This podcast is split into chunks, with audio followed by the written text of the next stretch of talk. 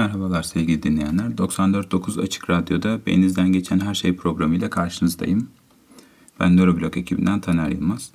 En son nörohukuk konuşuyorduk ve genetiğin insan davranışlarına olan etkisinin hukukta nasıl bir yeri olabileceğine dair ilginç sorulara gelmiştik aslında. Stephen Mobley'in davasından bahsetmiştim sizlere.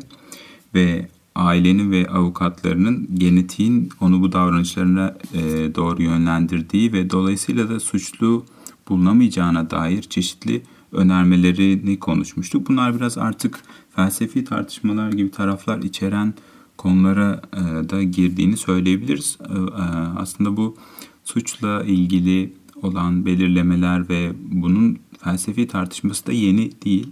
Hatta suçluları belirlemekle ilgili olan çalışmalar ya da meraklar da yeni değil. Bundan bahsetmiştim. Örneğin bir İtalyan doktor var Cesar Lombroso e, ve 1870'te şöyle bir e, ifadede bulunuyor. Bu konuda çalışırken birdenbire aydınlandığını ve aydınlanmasının da bir kafatasını incelerken e, gerçekleştiğini söyleyen Lombroso e, şöyle bir şey fark ettiğini söylüyor. Vahşi içgüdülerini ortaya seren bu suçlu insanların e, morfolojik olarak e, daha aşağı gördüğü çeşitli arkaik insanlarla ve çeşitli hayvanlarla ortak özellikler taşıdığını, bu ortak özelliklerin de büyük hatta kocaman bir çene, büyük göz çukurları, kulp gibi kulaklar gibi tarif ettiği çeşitli görüntülerde saklı olduğunu ve bunları görünce de aydınlandığını söylemiş. Şimdi bu bahsettiğimiz gibi suçu ve suçluyu daha önceden tanıma, ayırt etmeye ilişkin taraflar da taşıyabilecek çeşitli riskli durumlara doğru da gidebilir her, her zaman bu tartışmalar. Hatta şöyle bir örnekte bunu devam ettirelim. Şimdi Lombroso'nun ne kadar akla mantığa uymayan ifadeleri olsa ve bunlar çok kulak tırmalıyor olsa da aslında insanlık tarihi çok da bu açıdan parlak geçmemiş. Parlak olmayan örneklere de sahip. Yeşil Yol filmini ve kitabı e, tahmin ediyorum ki hemen herkes duymuştur.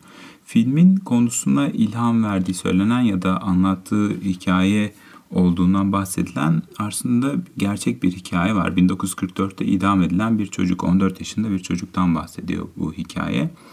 George Stinney e, siyahi bir çocuk 14 yaşında ve iki tane kendinden daha küçük 7 ve 11 yaşlarında iki tane kız çocuğun ölümünden suçlu e, tutuluyor, sorumlu tutuluyor ve 10 dakika süren bir yargılamayla tamamı beyaz olan bir jüri tarafından ki zaten o zaman jürilerde herhangi bir siyahinin bulunması mümkün değil. E, bu jüri tarafından suçlu bulunarak aynı yıl içinde de idam ediliyor hala 14 yaşındayken. Şimdi e, 2004 yılına kadar çeşitli zamanlar bu konu gündeme gelse ve bir şekilde e, toplum vicdanında diyebiliriz herhalde bir rahatsızlık uyandıran bir yara biçiminde devam ediyor olsa da bunun tartışmaları eni konu düzgün bir değerlendirme 2004 yılında başlatılabilmiş ve daha sonrasında da yargılama sürecinin adil olup olmadığını gözden geçirmişler ve adil olmayan bir yargılama olduğu konusunda hiçbir şüphe kalmamış. Yani burada Lombroso'nun yaptığı şey ne kadar akıl ve mantık dışıysa Amerika'da belki gerçekleşen bu adaletsiz yargılama da benzer taraflar taşıyordu. Niye? Çünkü siyahi olan bir çocuğun ve diğer insanlardan aşağı görülen siyahi ırktan olan birinin e, suç işlemeye daha yatkın olduğu düşünülüyordu diyelim ki en e, masum ifadeyle ya da ayır e, onları ayırıcı ayrımcılığa uğratan bir taraf vardı ve dolayısıyla da adaletin e, bir şekilde sağlanabilmesinin önüne geçen çeşitli önyargılar söz konusuydu. Şimdi bu hatta daha sonrasında da devam eden çeşitli e, parçalar da taşıyor. Örneğin Y kromozomu bir ara çok tartışılan konulardan birisi oldu bu genetikle birlikte. Çünkü Y kromozomu daha fazla olduğunda suça yatkınlığın arttığı yönünde çeşitli bulgular olduğundan bahsedildi. Ve Y kromozom sayısı arttıkça daha agresif yani erkeksi özelliklerle birlikte agresif özelliklerin artabileceğine dair vesaire. E, buna dair yargıçlardan bir tanesinin gerçekten bu savunmalar karşısında önemli bulduğum bir ifadesi var. Bir yandan hani tartışmaya yeni bir boyut açtığı içinde e, şöyle demiş. E, şiddet davranışı gösterenlerin %90'ı Y kromozomu taşıyor yani erkekler. Şimdi ben hepsine indirim yapmalı mıyım? Bu aslında tartışmanın şu kısmını e, önümüze serdiği için önemli buluyorum bunu. İnsanların genetiğinin davranışlarını bir şekilde etkileyip değiştirebileceği ama hani sorumluluklarını ne kadar sürdürüp ne kadar ortadan kaldırla, kaldırabileceğine dair de bir tartışma konusu. Bu noktada hem ön yargılar, toplumsal ön yargılar, belki işte çeşitli bedensel ve kişinin varoluşuna, beynine mesela dair, biyolojisine dair taraf ele alındığında nörobilim bize gerçekten ciddi bir sıçrama noktası sağlayabilir. Aynı zamanda da daha ciddi ön yargılara da yol açabileceği için gerçekten öze, özenle ele alınması gereken bir konu diye düşünüyorum. Nasıl şeyler olabilir mesela bu sıçrama noktaları diye bahsettiğimiz konular? Örneğin e, suç davranışı gösteren ve ceza almışlar için bir getirisi olabilir mi? Bu da hukukun uygulama alanlarından birisi sonuçta. Sadece cezalandırma değil, rehabilitasyon da aslında önemli bir nokta gibi düşünülebilir.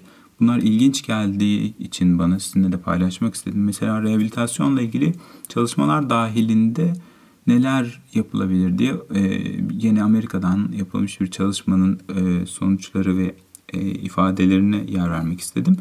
E, şöyle bir şey biliyoruz. Şimdi antisosyal davranış gösteren yani suç davranışına daha yatkın olan kişiliklerde bir şekilde duygu regülasyonuna dair tarafların diğer insanlardan farklılık gösterebileceğini söyleyebiliriz. Şimdi bu kısmını şöyle almamak gerekir. Tabii ki yani az önce söylediğim işte genetiğim beni buna itti. Da, e, davranışlar aslında ben çok da seçerek yapmadım demek dışında başka neler getirebilir diye düşünürsek e, burada bu insanların nasıl rehabilite edildiğine dair bir ortama bakıp bunu değerlendirmişler ki bence çok makul ve yerinde gibi görünüyor bu çalışma.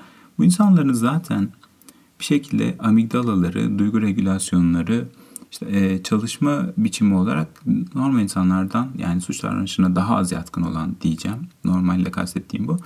Daha farklılık gösteriyor ve bu insanları aslında ihtiyaçları duyduğundan herhangi bir insanın ihtiyaç duyacağından daha kısıtlı ve daha yakın olacakları kişisel alanların çok kısıtlı olduğu bir ortama koyarak yani hapishane koşullarına koyarak bir değişiklik beklemek ne kadar gerçekçi olabilir diye sormuşlar. Sebep şu.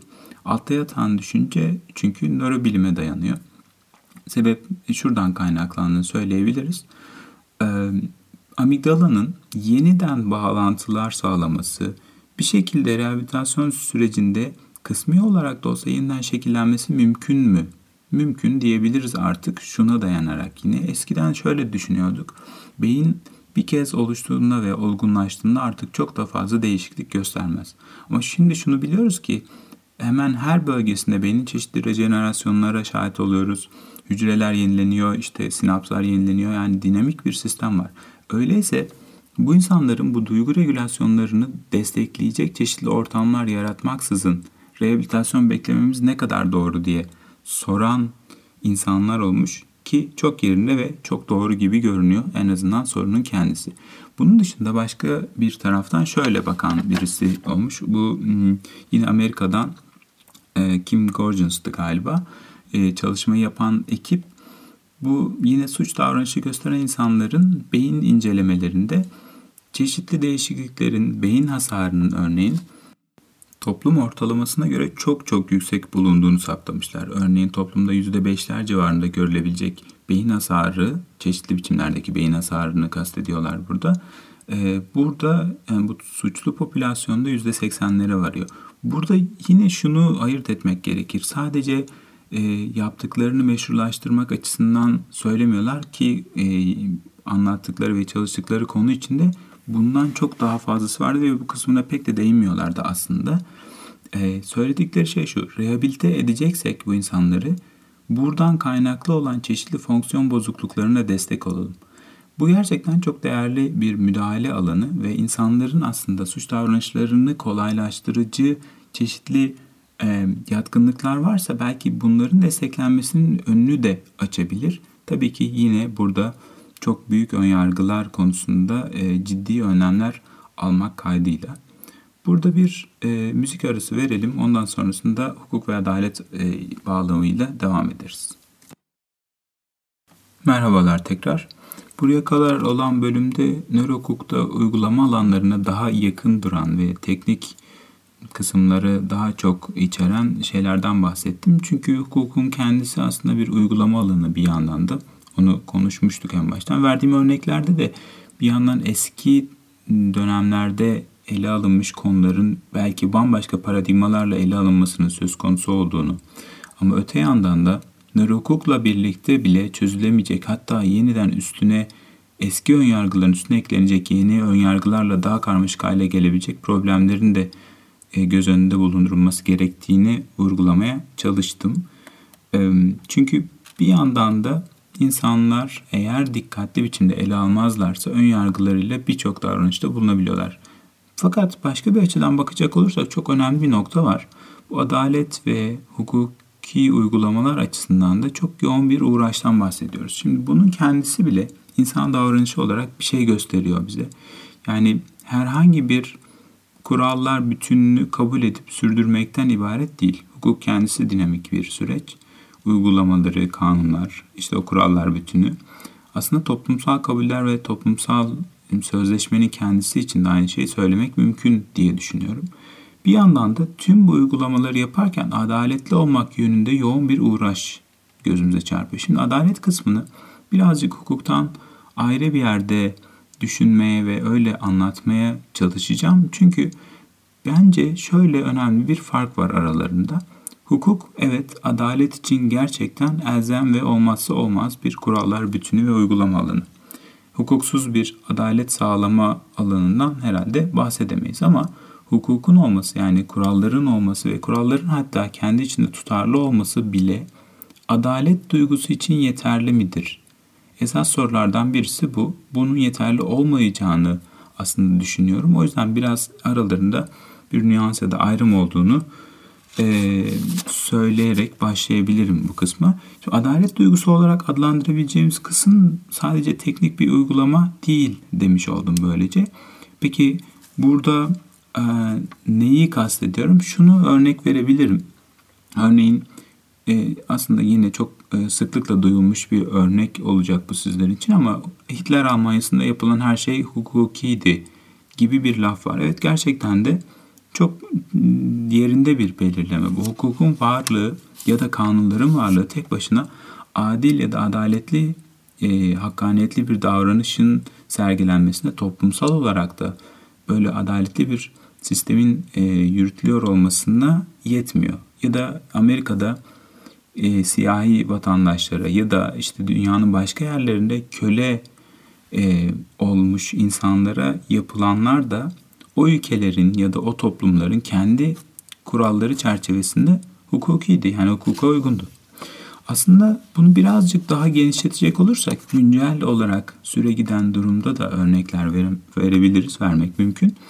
Örneğin dezavantajlı durumlarıyla e, ayrımcılığa uğrayan, uğramaya devam eden bütün gruplar yine hukuka dahil fakat adaletli olmayan bir sistem içinde yaşamaya devam ediyorlar. Yani buna e, güncel örnekler arasından mesela köken, etnik kökenleri sebebiyle ayrımcılığa uğrayan insanları verebiliriz. Ya da cinsel yönelimi nedeniyle ayrımcılığa uğrayan insanları örnek olarak verebiliriz. Ya da diğerleriyle ekonomik olarak aynı şartları yakalayamadığı, dezavantajlı durumda olduğu halde benzer e, sonuçlar e, göstermesi ve hayatta ancak böyle var olabilmesini dayatan bir sistem içinde dezavantajlı durumda bulunan birçok insanın adaletsiz bir noktada kalabildiğini düşünebiliriz.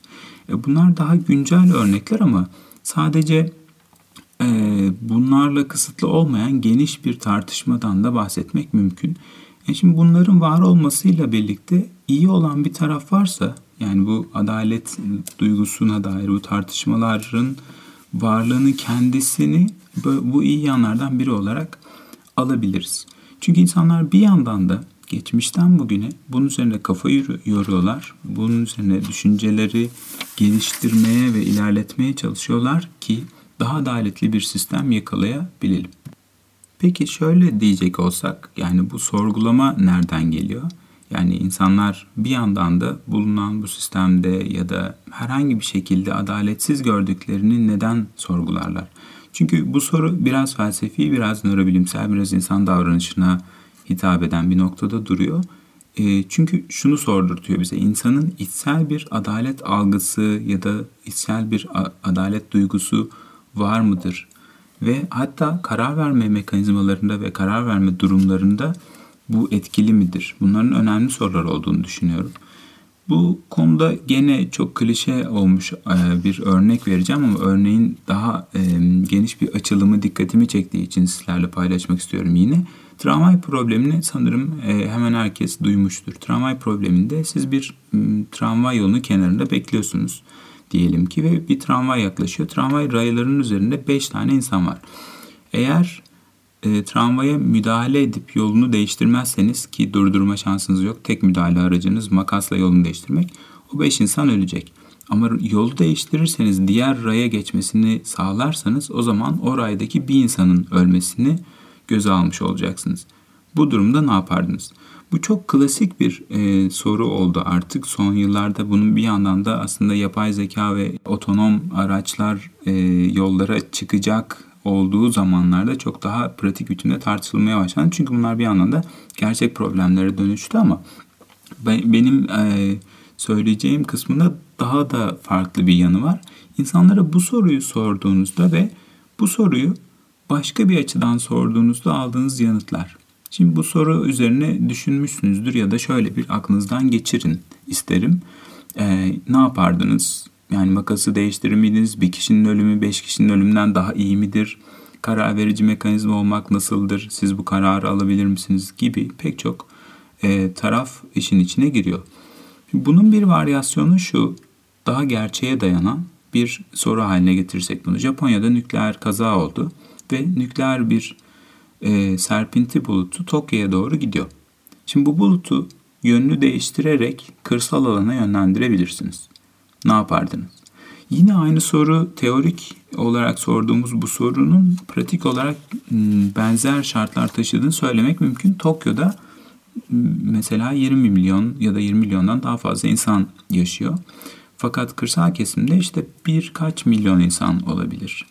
Yani 20 milyon insanın hayatının tehlikeye girmesi şartları altında siz nasıl bir karar verirdiniz? Yine aynı soru aslında aynı şartlara tabi olmasına rağmen bakın bu iki soru arasında alınan yanıtlara e, karşılaştırıldığında ciddi farklar ortaya çıkıyor. Yani insanlar teorik bir problemi, tramvay problemini düşünürken e, ele alış biçimleriyle tamamen aynı gerçekleşen bunun, bu senaryonun başka bir versiyonunu ele alış biçimleri arasında fark gösteriyor. Bu e, neyi gösterir bize ya da neyi gösterebilir? İnsanlar e, bir şekilde doğru biçimde, adaletli biçimde karar vermek üzerine içsel bir motivasyonla düşünmek zorunda hissediyorlar. Yani bu soruların aslında doğru bir cevabı yok. Yani doğru bir cevabı olacak olsaydı ikinci sorusu için herhalde ben ancak şeyi söyleyebilirdim. Bu bizim için de güncel bir konu aslında. Nükleer santral yapılmaması herhalde en doğrusu olurdu ama e, bunun dışında soruların kendisine ait birer cevabımız yok. İkisi de teorik bir soru. Sorular aslında e, ve ikisini de aynı biçimde sonuçlandıran yaklaşımlar görmek bizim beklediğimiz şeyken insanlar bunları farklı farklı biçimlerde ele alıyor ve farklı yanıtlar veriyorlar. Bu da aslında bir şekilde içsel olarak adaletli olanı sağlamak, adaletli olanı seçmek için yo- yoğun bir uğraş verdiğimiz ve bununla gerçekten meşgul olmak zorunda hissettiğimizi gösteriyor. Bunu aslında daha önceki bölümlerde konuştuğumuz bir alana bağlayarak devam etmek istiyorum. Dedikodu ile ilgili konuşmuştuk ve orada ele aldığımız önemli noktalardan birisi şuydu. Günlük hayattaki dedik e, konuşmaların büyük e, kısmının dedikodulardan ibaret olduğundan bahsetmiştik orada. Bunun sebebi aslında grup içindeki yani sosyal etkileşimde bulunan grup içindeki diğer insanlar, diğer grup üyeleri hakkında bilgi almak idi. Ve diğer bir sebebi ise evrimsel ya da sosyal evrimi ön plana alan teorisyenlerce ortaya konulan diğer sebeplerden en önemlisi beleşçileri, bu beleşçi benim çevirim aslında free riders'ın çevirisi olarak düşünebilirsiniz. Yani üstlerine düşen görevi yapmaksızın ortak kaynakları kullananları seçmek. Bu da aslında adalet duygusuna ilişkin çok içsel bir motivasyon e, diyebiliriz. Yani aslında insanın sosyal grup içinde e, etkileşimlerini belirleyen ve o etkileşimler sırasında nasıl davranacağını e, şekillendiren bir altyapıdan söz edebilir miyiz? Bu adalet duygusunu içsel olarak taşıyor muyuz? Şimdi sosyal evrim ve gruplar içindeki adalet e, kavramı ve algısı o kadar önemli ki bir yandan da beynimizi ya da etkileşimimizi şekillendiren çok önemli bir etkiye sahip olmuş ve biz bunu içsel olarak taşıyoruz diye de düşünebiliriz. Böyle olunca şu çıkarımlar genellikle gözümüze çarpıyor. İşte insanlar daha otoriter, daha işte belirlenimci yönetimleri kabul etmeye eğilimlidir diye. Ben bunun çok doğru olduğunu düşünmüyorum. Aksine şöyle demek belki daha açıklayıcı olacaktır. İnsanlar bir şekilde adaletli bir sistemin kendi aralarında ortak kuralların işlediğinin temin edildiğini ve bunun hani sağlam biçimde sürdürüldüğünü gösteren bir sistemin varlığını bir gereklilik olarak hissediyorlar. Fakat içerik aslında verili biçimde gelmiyor. Bu çok önemli bir fark diye düşünüyorum. Çünkü içerik otoriteryen bir biçimde olabilir. Tam tersine çok daha eşitlikçi bir düzen de olabilir. Yani burada ayrım yapmamız gereken nokta şu. insanın biyolojik ya da nörobiyolojik olarak ortaklaşan bir tarafa doğru bir meyli var. Ama ortaklaşmanın biçimi bir bilgisayarın hardware'ın üzerine e, yazılmış olan bir software gibi o biçim aslında insanların etkileşiminden doğuyor. Bu açıdan aslında adalet duygusunun e, çeşitli kökenleri ve kaynaklarının ve bir şekilde ahlak algısının, bunu da yine toplumsal sözleşme bağlamında bir ahlaktan bahsediyorum. İnsanların sosyal evrimde çok önemli bir yeri olduğunu söyleyebiliriz. Belki sonraki programda da bu noktadan devam etmek üzere. Şu anda programımızı tamamladık. Görüşmek üzere.